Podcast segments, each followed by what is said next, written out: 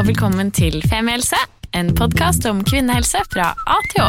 Og jeg heter Helene, Og jeg heter Sigrun. og vi har startet denne podkasten fordi vi mener at det bør snakkes mye mer om kvinnehelse. Så la oss snakke.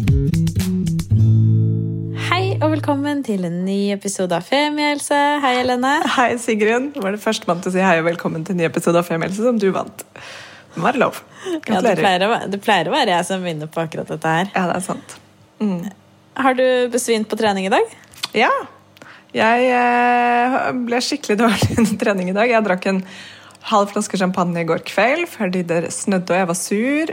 Så det var deilig. Og så sto jeg opp og Jeg sov, litt, jeg sov ikke så dårlig, jeg sov litt lite, og så dro jeg på trening. Og så fikk jeg helt sånn derre Jeg så på meg selv i speilet og bare så at jeg var helt grønn. Og så begynte jeg å skjelve, og så måtte jeg sette meg ned. Um, men jeg var så skikkelig PMS-ete, så jeg lurer på om det var bare en sånn derre ja, kombi av champagne, PMS av en eller annen grunn, at det kan spille litt inn. Ja, At jeg føler meg litt sånn svak, rett og slett. Og at jeg hadde spist litt lite, sikkert. da. Så rett hjem Det er jo dette og de sier at det er det verste tidspunktet å trene på. ja, Trene tungt på. ja, og det jeg trente drittungt, sånn skikkelig sånn løfte så hardt jeg kunne ting. Så, Altså, dette var jo syklusurut. Ja, men jeg er ganske syklusurut, faktisk. eh, Fordi jeg vet jo ikke helt om jeg har PMS nå, eller om jeg har det om en uke. Så det er liksom sånn, Hvis jeg skal leve etter syklusen min, så kan det bli mye, mange dager med myk yoga, for å si det sånn. Så Altså nei, life of a maybe PCOS girl. ja, det er eh, life of something hormonal wrong girl. Så kjøpte i hvert fall godt surdeigsbrød og stekte egg og liksom nesten hadde litt sånn cowboyfrokost da jeg kom hjem og spiste meg sånn godt opp igjen. Så da, og da var livet fint. Så det var, eh, det var egentlig helt greit det å svimle litt av om morgenen og minnes på at jeg må spise mer brød. Så bra. Det er lurt å spise brød. Man føler seg bra av det. Jeg er veldig glad for at brødskiva har blitt normalisert igjen. Ja. Jeg føler den er, den er tilbake. I hvert Ja. fall i mitt liv er den hardt tilbake. Carbs are cool. Carbs are cool, girl. Ja. Og ehm, vi skal veldig straks introdusere dagens gjest. Mm. Uh, men jeg må jo si, vi valgte jo gjest denne uken på bakgrunn av uh, farven på veggen. eh, På veggene våre. Eh, For nå er vi lei av å ha dårlige paletter. Ja. Så Helene, du har rosa palett, Ja. jeg har en blå palett, Ja. og dagens gjest har en litt sånn grønnbeige palett. Og det er viktig for oss, da. Så vi ser ut som sånn fargekart fra Farge-Dagny når hun er litt sånn på rolig, rolig nivå. Der er vi nå. Det er veldig sånn det er Ja, godt litt sånn for. Swedish countryside. Ja, det er veldig behagelig. Ja. Um, og med oss i dag så har vi Linn Haugland Engelsen, som da er eieren til denne nydelige veggen. Velkommen, Linn. Tusen takk. Velkommen til ja, men københavnsk minimalisme, tror jeg vi kan kalle det. Jeg får sånn, jeg får sånn reisemisunnelse over at du sitter i København nå.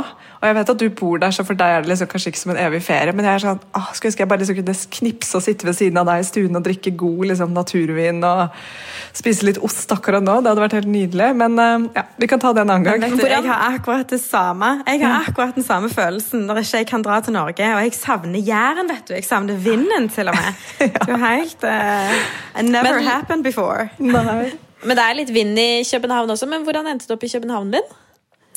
Eh, nei, men jeg flytta til København for, eh, for noen år siden nå. Eh, og, og skulle ha meg et sånn kort eventyr med en master og et par år eh, med sykling og vin i korg og sånt. Og så ja, men så endte jo det med jobb og leilighetskjøp og forlovet og en liten hund. Og ja, men òg en, en liten baby, da, til sist. Eh, så blir en jo hengende. Det er jo det som skjer. Er det ikke det? Ja, du kommer ikke hjem nå. Nei, jeg Unnskyld, mamma. Nei, jeg tror ikke det. Altså, Jeg kjente at jeg ble litt misunnelig bare av å høre altså, din danske mann i bakgrunnen i stad. Det er noe med liksom Alle har en drøm om en dansk mann. Ja. til, tror jeg. Er du ikke enig, Helene? Jo, det er noe litt sånn der, Det er noe maskulint med det. Dansk er liksom mer sånn derre Ja, jeg vet ikke. Ja, jeg får bare lyst til å Ja, det er et eller annet med Ja. det. Mm, kanskje jeg skal flytte til København. Vi får se. Ok, ja. Men Linn, kan ikke du fortelle litt om deg selv?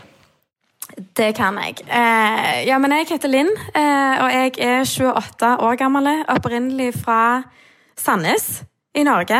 Eh, og har jo da, som sagt, endt opp i, i København eh, for å ta en liten master. Eh, og til daglig så jobber jeg med HR i et IT-firma. Og sykler mye. Til og fra jobb, lite grann vin i eh, og ja, vi nyter København. Sammen med Oskar og, og, Frida, hunden vår. Så, så, ja, det er sånn litt om meg. Eh, og så er det jo òg viktig å si at jeg er Theodor sin mamma. Eh, det er jo kanskje den fineste tittelen jeg har. Eh, å få lov til å være mammaen hans. Mm. Ja, det var en veldig fin introduksjon. Ja, det var kjempefint. Så, og, og, det at du er Theodor sin mamma, og opplevelsen rundt det å bli mammaen hans, er jo grunnen til at vi har lyst til å snakke med deg i dag. Eh, fordi du sendte oss en artikkel eller en, en sak fra TV 2 som, som, jeg leste, og som gjorde bare sånn enormt inntrykk på meg. Og det er nettopp ditt møte med abortnemnden. Um, så ja, kan ikke du fortelle eh, det du har lyst til fra den historien, Linn? Jo, men absolutt. Eh, og, og, ja, men dette er jo mitt livs største, eh, nok mest innholdsrike historie så langt. Eh, det er en ganske voldsom historie, eh, og så er det en veldig, veldig fin historie. Det er en historie om et enormt tap eh, og en enorm sorg og et mørke. og ja, men alle de følelsene som, som kommer med det. Og så er det en historie om uendelig kjærlighet og morskjærlighet, og det der med å bli foreldre og bli mamma. og hva, hva, betyr det å få den tittelen på en eller annen måte, selv om det blir en litt sånn uvanlig konstellasjon? Um, men vi kan jo ta det kronologisk. Uh, fordi at uh, Ja, men jeg drar på juleferie til, til Norge. Siste ferie fra hverandre. Eh, hvor, hvor, mannen min blir igjen i, i, København. Jeg drar til Norge. Du vet, Med innreisekarantene og korona og, og alt sammen. Så, så jeg eh, er i Sandnes hos, eh, hos, mine foreldre. Og på julaften om morgenen så går vannet.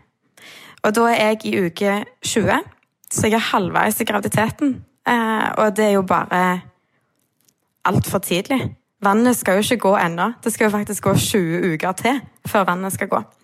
Så det er jo en ganske, ganske sånn panisk eh, situasjon å komme i, og i hvert fall på julaften på morgenen. Det er jo eh, En skal jo kose seg på jul, eh, og det, dette blir jo alt annet enn det. Ehm, så vannet går. Vi haster til sykehuset. For det er jo, det er jo dramatisk, og jeg, det er en sånn akutt vannavgang, så det plasker jo bare ut av meg. Um, Kom inn på sykehuset og, og inn på fødeakutten på Stavanger universitetssykehus. Eh, og, og, der får vi jo da bekrefta at, at Theodor, min baby, han ligger helt tørt. Det er ingen fostervann igjen i livmora. Eh, og det skjer jo på ja, et kvarter, så er alt helt tomt. Eh, og, og, på et kvarter så snur liksom hele livet seg på hodet.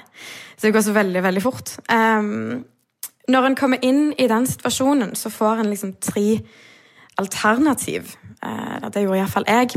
Eh, og alternativ én er jo å vente og se om det fyller seg opp med fostervann. For, for, for livmora og fosterhinna er jo liksom en vannballong, og så ligger fosteret inni der. Og så er det et spørsmål om hvor stort er dette hullet i vannballongen. Eh, og, og, kan det en gang fylle seg opp litt vann, iallfall. Nok til at en liksom kan, kan overleve i det. Eh, nummer to en føde. Naturen går sin gang. Eh, vannavgang er jo starten på en fødsel. Eh, så, så, så, så, det er jo å anta at man føder. Og nummer tre hvis fødselen ikke går i gang, så skal man bli satt i gang. Man skal ha en provosert fødsel, og da må man ha hjelp av abortnemnda. Eh, fordi at vi var jo over uke tolv. Eh, jeg velger jo selvfølgelig alternativ nummer én. Jeg må jo vente og se om liksom, det kommer et julemirakel til oss, eh, og om dette kan nå å ordne seg. Um, og jeg blir innlagt, og et døgn seinere husker jeg så kommer det inn et sånn helt team av leger. og Det er barnelege og overlege og jordmor og lege og sykepleiere. og De kommer inn med, de kan trille inn hele denne ultralydmaskinen uh, og, og vil jo liksom ha svar på har dette gått i riktig retning eller ei? Eh, det har det ikke. Der er det ingen fostervann. Det er enda mindre fostervann enn det var når jeg kom inn på sykehuset. Så det har gått helt feil vei. Eh, og jeg tror aldri jeg kommer til å Jeg glemmer aldri det bildet på den ultralydskjermen. Eh, og liksom se at den at min baby, som ellers en veldig, veldig, var en veldig veldig aktiv gutt, med mye bevegelse Det var vanskelig å liksom ta bilde av han, for han bevegde seg så mye i magen. Han ligger helt stille. Han klarer ikke å bevege seg. Det er ingen vann igjen å liksom svømme i. Eh, og så går jo de her legene de går i gang med på en måte sin sånn profesjonelle vurdering. Sant? Og barnelegen snakker om hvordan blir liv for et barn som ikke har ordentlig lungekapasitet og ordentlig motorikk. For det lærer han jo ikke. Og lærer ikke å bevege seg og lærer ikke å puste ordentlig uten fostervann. Det er liksom funksjonen til en baby i magen. Eh, og, og, hvordan ser livet ut for et sånt et barn, eh, og, og, liksom for, for vår familie?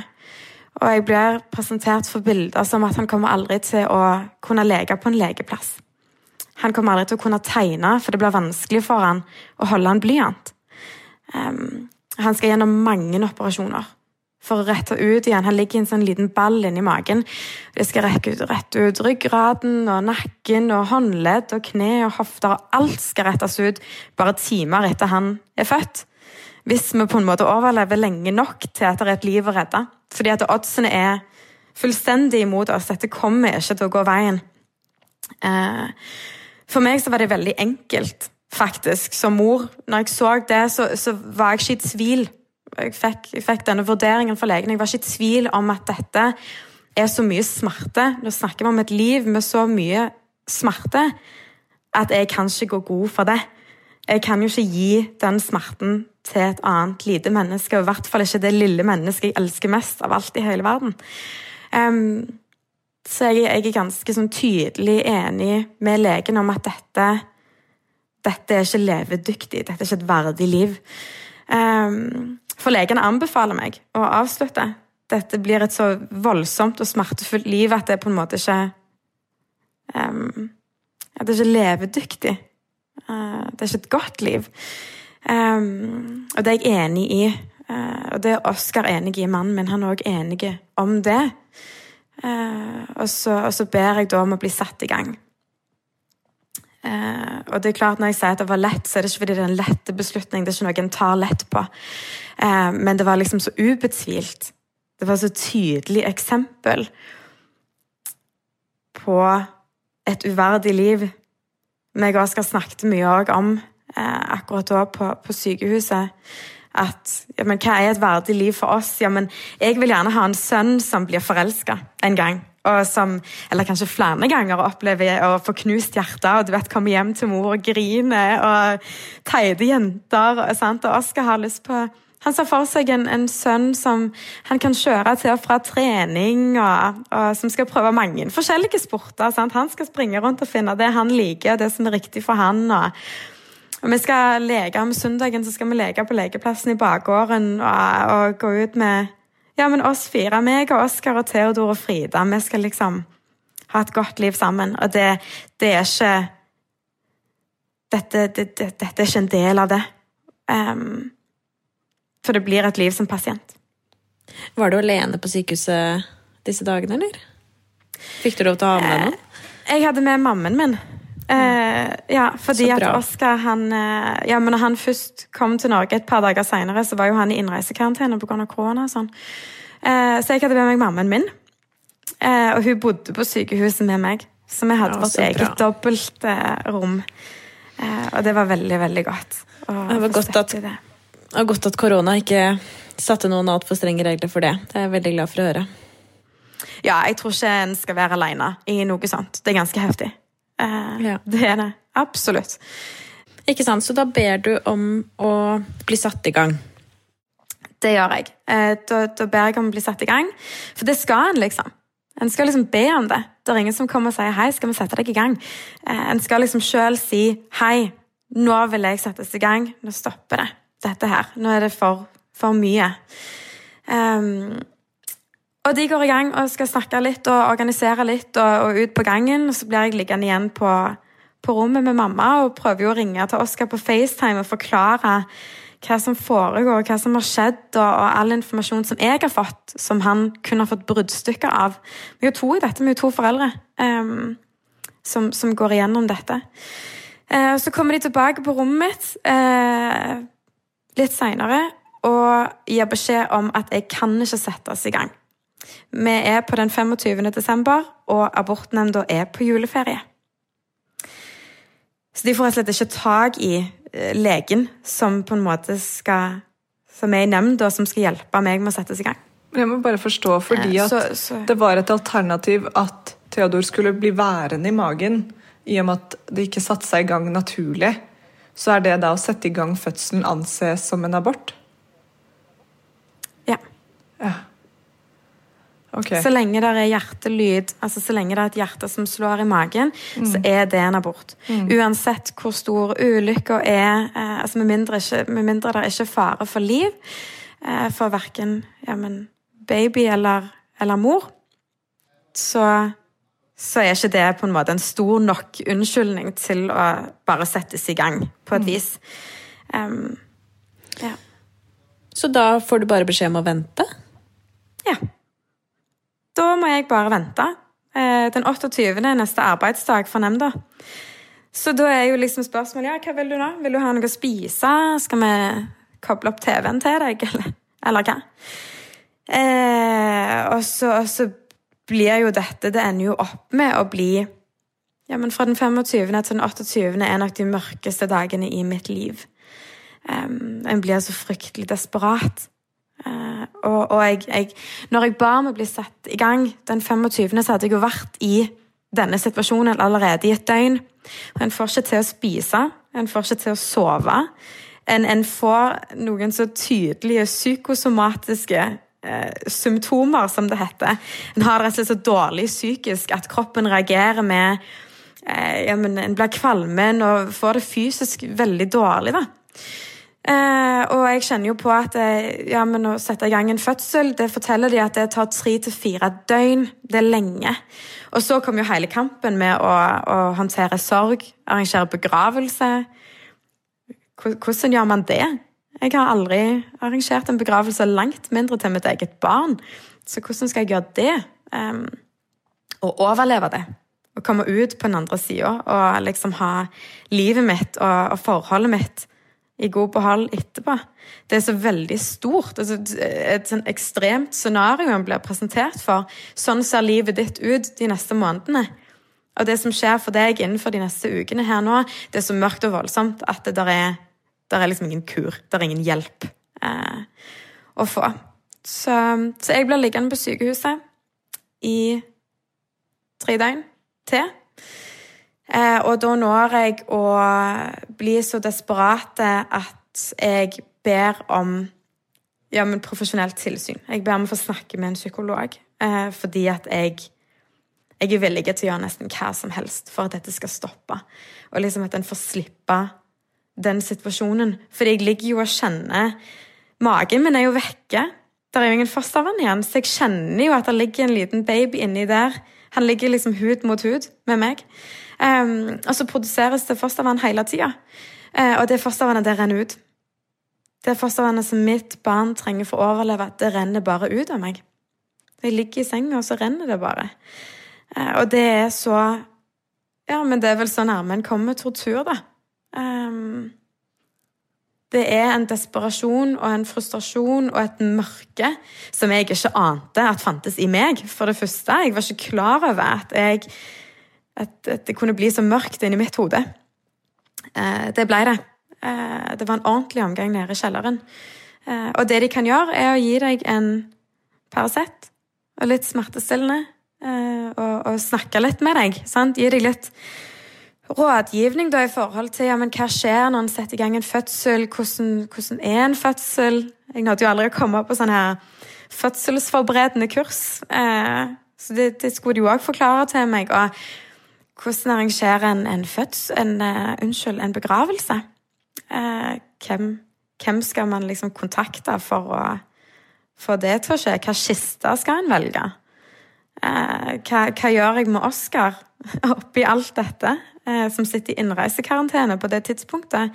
Hva, hva, hva, skal jeg gjøre med han?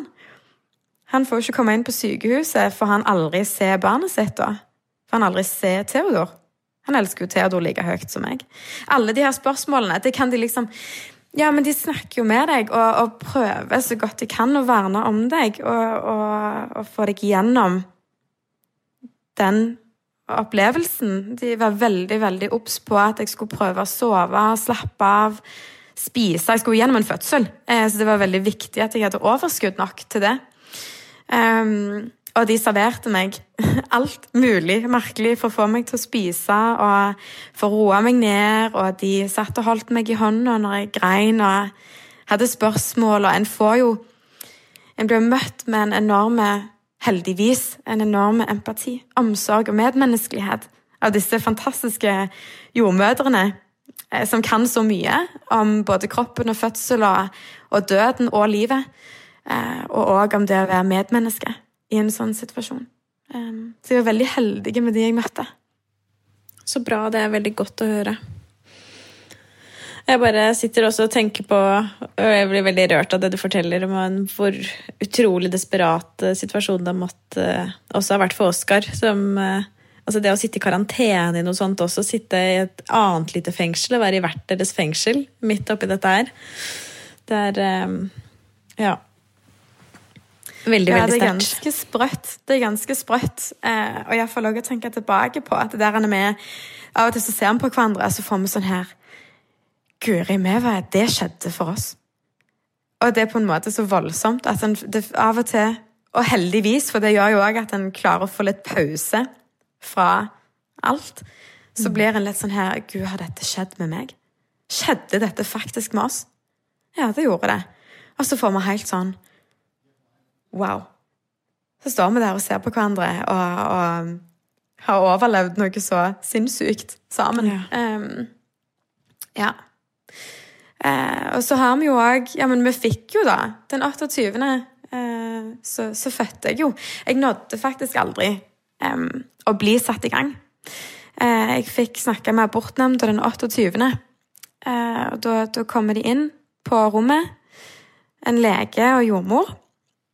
Eh, og så, så, er det jo ikke I min sak så er det ikke så mye å snakke om. Det fins ingen redning. Dette kommer ikke til å gå godt. Alle er liksom enige om at dette er ikke Dette er ikke liv laga. Det var ikke vår tur. Og nå skal det avsluttes. Eh, så jeg eh, får liksom spørsmål da, om forstår du hva som skjer med din kropp når du setter i gang en abortbehandling. Forstår du hva som skjer med ditt barn når du setter i gang en abortbehandling? Signer på dette papiret. Eh, og, og, jeg har jo ligget med rier hele, ja, hele, døgnet før de kommer inn til meg den 28., så jeg har jo åpning allerede. Og, og går vel egentlig da ganske Eh, ganske akutt i aktiv fødsel eh, etter jeg har nådd å snakke med de som når aldri å bli satt i gang. Fordi at da går jeg i gang med fødsel. Um, og så føder jeg Theodor klokka åtte om kvelden den 28. Um, så den abortbehandlingen den tok ca. fire minutter. Og så var det det. Uh, de fire minuttene hadde jeg venta i fire døgn på. Uh, og, når jeg sier at det liksom eh, ja, men jeg venta i fire døgn, så, blir folk litt sånn her Ja, ja, fire døgn, ja, men det er jo ei langhelg, det. Og så får jeg litt sånn Nei. Det er 400 000 sekunder. Det er så mange sekunder jeg var i det. Eh, fordi du får ingen pause. Det skjer jo med kroppen din, så du får jo ingen pause. Du får ikke Det hjelper ikke å se på TV. Du får jo Altså Det er ingen pause, det er ingen vei rundt dette her. Um, så 400 000 sekunder var med i det. Det er så lenge, det. Mm. Ja, det er ganske lenge. Og det, det, er, det. er jo Det vi også vil liksom snakke litt rundt òg, er at Altså, det er jo helt absurd ikke sant? at det er fridager og helligdager som, som gjorde at du måtte vente i de 400 000 sekundene med en avgjørelse du allerede hadde tatt, og som alle leger, helsepersonell rundt deg også var enige om at var eneste utvei og riktig å gjøre nå. Um, og pga. da regelen om abortnemnd i Norge, så må du ligge og vente til første arbeidsdag og kjenne på det. Jeg syns det er jeg synes det er vanskelig å prate om, for jeg blir så lei meg. Det skulle så ah, Og det her er liksom hele poenget med denne loven er jo for å beskytte altså, både kvinner og, og, og, og barn, men, men, den funker jo ikke i praksis sånn som den er nå. Og det at du da blir satt opp i dette og får oppleve liksom, det verste du har opplevd i hele ditt liv, og så blir det så dratt ut. Det er bare sånn jeg får, altså, jeg føler at så mange av disse lovene som går på kvinners kropp og helse, er laget av mennesker som bare virkelig ikke har satt seg inn i hvordan det er å gå igjennom noe sånt. Jeg skal ikke begynne å trekke masse tall fra abortnemnd, og sånn, men man vet jo at altså, så å si alle som er gjennom abortnemnd, får godkjent abort. ikke sant? Fordi det er ikke sånn at noen én ønsker å ta en abort, og i hvert fall ikke en senabort. Så er, det er noe som er Jeg skjønner at den skal være en beskyttelse, men den funker ikke sånn som den er. Og i hvert fall ikke når Norge da i tillegg greier å innføre at helligdager, da skal abortnemnden ha fri. Det går ikke. Må, det må og være en vakttjeneste. Det er jo ikke kun helligdager.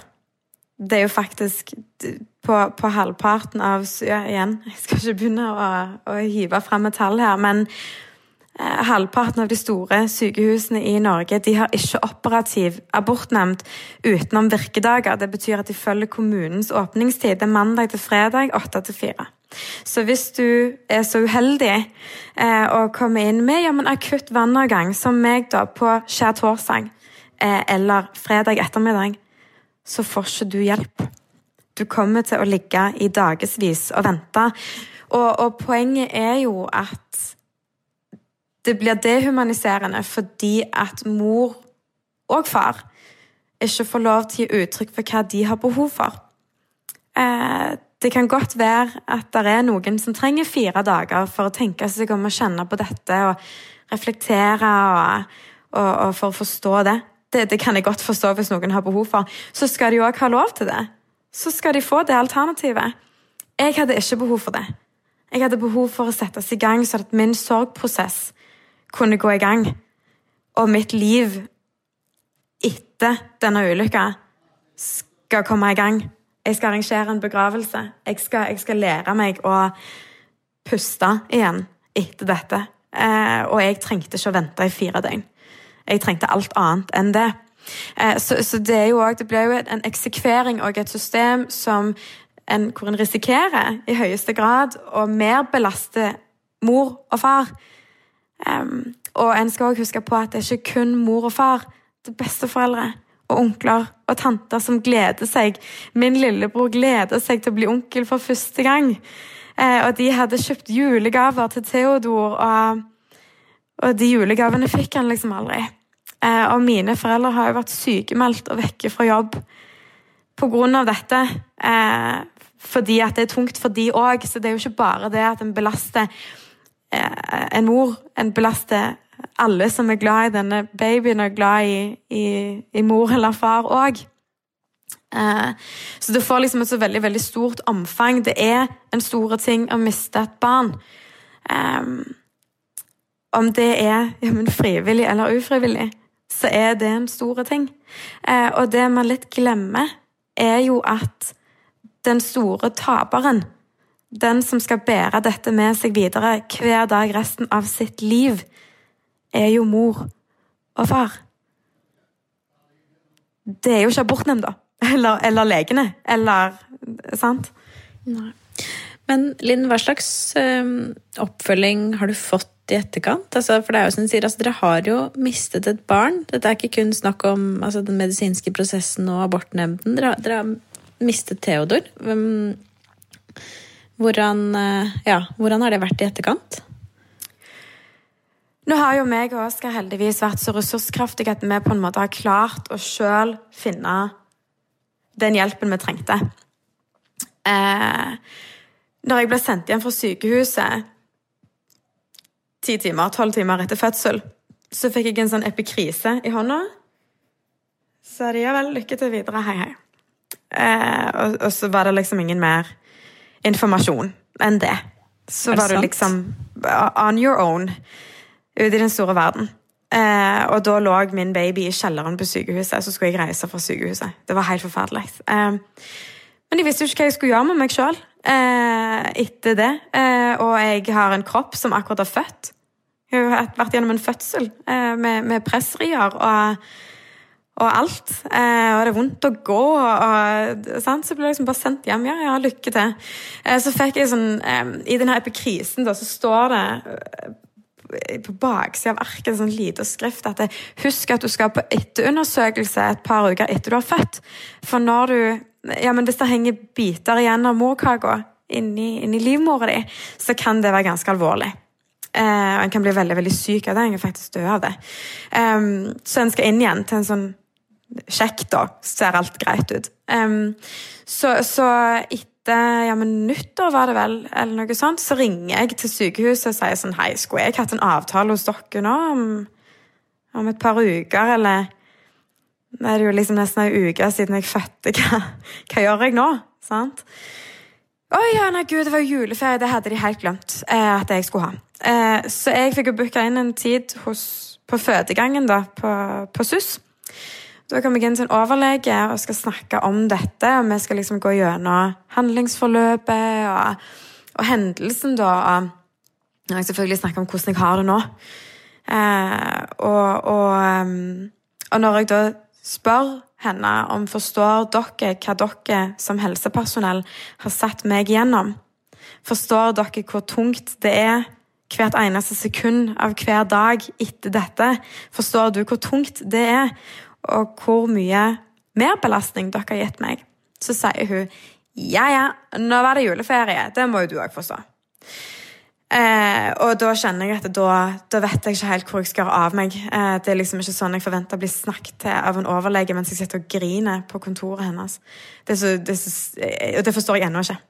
Det skremmer meg, tanken på at det, dette kan bli sagt til andre kvinner etter meg òg.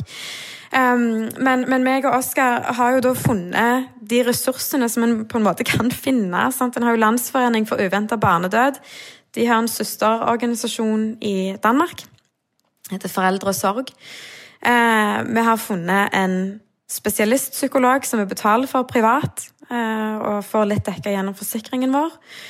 Uh, hun er spesialist i sorg når en mister barnet sitt. Hun snakker kun med mennesker som oss. Det er jo helt Helt sinnssykt at hun klarer det. Men, eh, men, hun er veldig veldig dyktig, har hjulpet oss mye. Eh, jeg har snakket litt med Amathea, som er en norsk organisasjon for ja, abort. Både veiledning og, og etterpå. Og ufrivillig. Ja. Så de har veldig mye kunnskap og veldig mye forståelse for, for hva en går igjennom. Så de har jeg snakket litt med òg. Um, ehm, så vi har liksom sagt ja til alt vi kan få.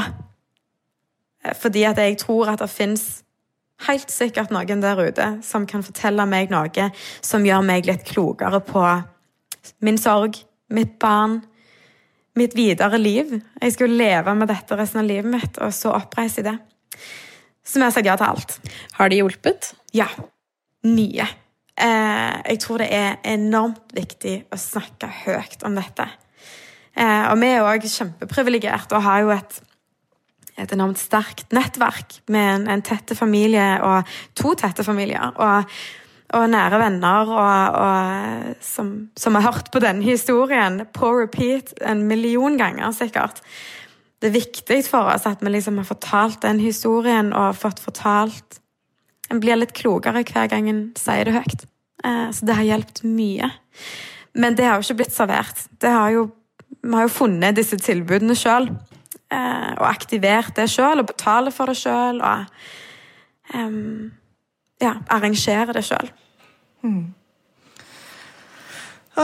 Ja, det er så Og dette er jo en, en, tilbakemelding vi har fått av ganske mange av dere som hører på oss i Femihelse, um, gjengen vår, at liksom den oppfølgingen man får etter frivillig eller ufrivillig abort, er veldig mangelfull. og nå har vi jo sånn at man kan, man kan hvert fall få en sykemelding i Norge, og sånne ting, og når det da snakkes høyt om at man får innvilget liksom, to sykedager etter abort eh, i New Zealand, og sånne ting, så er det fantastisk. Men Norge har jo i hvert fall et system som plukker deg opp sånn rent fysisk uh, etter noe sånn, sånn passe hvert fall at du får hvilt, men du får ikke den hjelpen man trenger, og som jeg mener at man har krav på. Det er jo veldig ofte, føler jeg, at det er type sånn organisasjoner som Lubba og Mathea som kommer inn, da, og som er på en måte de man må henvende seg til, og som man må vite om. Da, og være opp, altså, Man må orke å ta kontakt.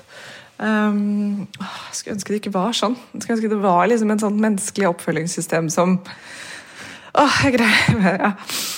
Syns det er så trist at det er sånn. Jeg må også gå gjennom det og ikke få liksom, Det er så basic menneskerett, da, og at det blir så innmari klinisk og sterilt. Det er så trist. Men uh, ja. Og så er Det jo også, det en skal huske òg, er jo at dette er jo mødre og fedre. Nå tar jeg bare utgangspunkt i mødre og fedre, eh, men, men, mødre og deres partner blir vel, blir vel mer riktig. En skal jo huske på at dette er potensielt kvinner da, som skal være gravide igjen eh, og føde igjen. Gjerne på det samme sykehuset.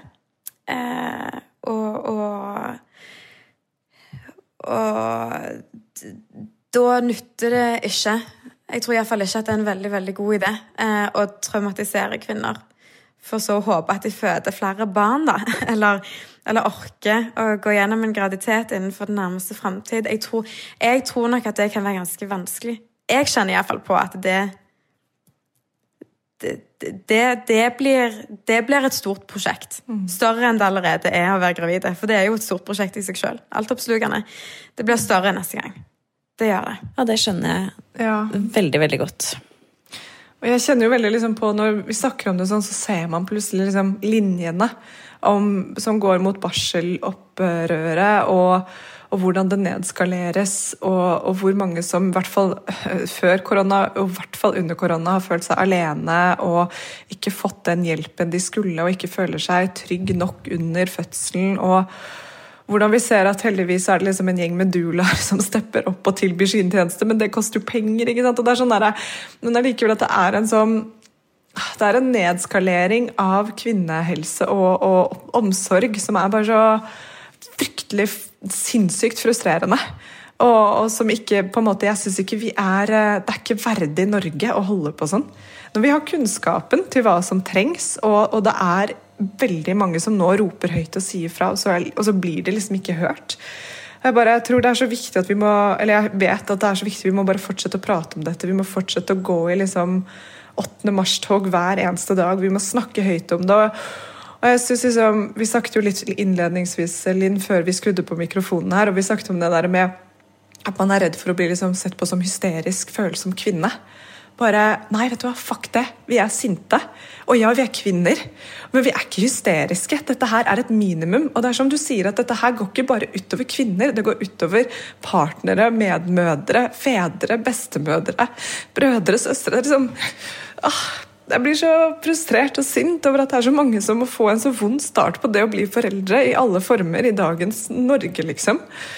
Ah, vi må bare fortsette å snakke høyt og, og, og, støtte de som snakker høyt rundt oss, om det så er på sosiale medier eller om man sender en melding når man ser at noen deler eller går i tog, altså, eller sender denne episoden dere hører nå til Om dere kjenner noen som er politikere, vær så snill, send den videre. Vi må liksom bare Vi må få dette gjennom. Det kan ikke være sånn. Nei, og det er viktig, og uh, nå snakker vi om det i et kvinnehelseperspektiv, men jeg tror jo dessverre også dette er gjeldende uh, altså egentlig et generelt problem, hvor de syke og svake og utsatte og sårbare er de som må være sterkest og mest eh, ressurssterke, og ha krefter til å sette seg inn i. altså Hvilke tilbud finnes egentlig for meg? Hvilken behandling kan jeg få? Hva slags støtteapparat eksisterer eller eksisterer ikke? Og at det er så symptomatisk for noe veldig, veldig mye større som virkelig er verdt å kjempe for, og som ja, jeg blir både sint og lei meg bare av å, å begynne egentlig å ta opp hele den diskusjonen her, men jeg syns det vi og du har fortalt i daglig, er eh, ja, Jeg vil bare si tusen, tusen takk for at du deler, og det er så utrolig viktig. Og jeg tenker at det er et veldig konkret eh, bilde på dette problemet. Altså mm. det er Og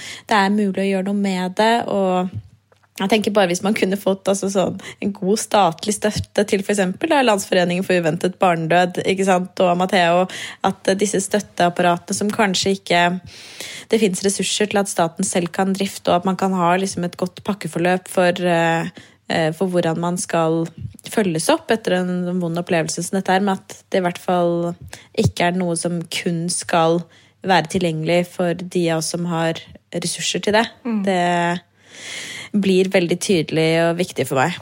Mm. og kanskje det viktigste med å si det høyt, det er jo det her med at dette er jo det her, hele det her showet med abort er jo bare Unnskyld, så dritsensitivt og intimt og personlig. Um, jeg har blitt helt overvelda over at liksom etter jeg kom med i denne klubben her, denne klubben av oss som har mista et barn, um, hvor mange som er i den klubben med meg. Uh, og hvor mange meldinger jeg har fått om ja, hei, du, jeg òg har faktisk prøvd det, eller jeg har andre utfordringer i forhold til jamen, fertilitet, eller å ha mista flere ganger, gjerne tidligere i et svangerskap, eller flere svangerskap. Um, det er liksom noe som en ikke snakker høyt om. Um, og det er så veldig dumt. Eh, så, så, så, ja, del det, og, og, og, så kan vi liksom prøve å fikse et system som er så åpenbart ødelagt. Men mest av alt, venn dere til ja, men venninner, kollegaer, søstre, mødre Alle kvinner som potensielt kan stå i den situasjonen, for det skjer med veldig mange. Det er veldig mange som har utfordringer, både på den ene og den andre måten med svangerskap. Og hvis ikke vi er der for hverandre og tør å snakke høyt om dette, så er det fryktelig fryktelig vanskelig å gå gjennom det. Det kan være en veldig veldig ensom sorg. Og mye skambelagt. Det er klart En skammer seg jo litt over kroppen sin. Min kropp klarer ikke å bære fram et ferdig barn. Skal ikke det være det mest elementære, naturlige kvinnekroppen skal kunne gjøre? Det har ikke min kropp klart ennå. Um, så det er jo noe skam i det, det er noe skyld i det på et vis. Og, og den her med har gjort noe gale. Var det meg?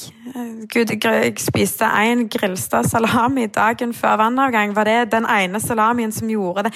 Altså, det, det, er så, det, er et så komplekst følelsesbilde. og Hvis ikke en kan, kan, være der for hverandre og passe på hverandre og tørre å snakke om dette som ja, medkvinner um, så er det veldig, veldig ensomt. En veldig ensom sorg å stå i.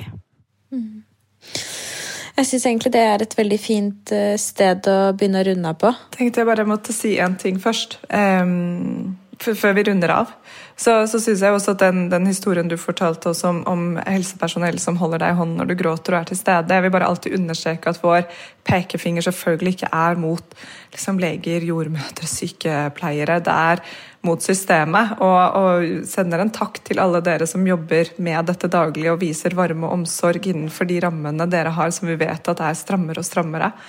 Um, så jeg bare følte behov for å si det, sånn at ikke hvis noen av dere sitter og hører på nå, liksom kjenner at det er det, for det er det ikke.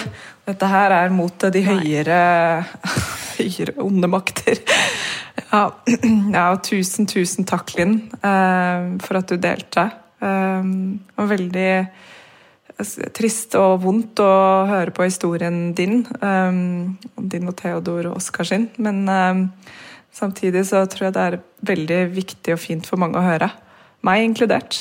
Ja, jeg er enig. Veldig reflektert historie, Linn. Så takk for at du deler med oss. Det er vi veldig glad for. Nå skulle jeg ønske vi faktisk kunne møtes og eh, klemmes og ta et glass vin. Eh, ja. og gjerne vandre gjennom Københavns gater sammen og eh, kose litt med Frida. Så um... ja. Men takk for at dere har lyst til å ta opp dette og, og sette et søkelys på det. og Det er viktig at vi snakker høyt om disse tingene her. Veldig, veldig viktig. Det er det. Og det er jo litt sånn mantraet vårt i Femihelse. La oss snakke. Um, og enda et bevis på, på, hvor viktig det er. Så hvis du som hører på nå um, kjenner at det er ting du trenger å snakke om, så har du hørt om i hvert fall to ressurssteder, som er Amathea og eh, LUB, Landsforeningen for uventet barnedød. Så der kan du alltid ta kontakt og, og få eh, hjelp, så vet du det. Og hvis ikke følg oppfordringen fra Linn og oss, og snakk med noen rundt deg.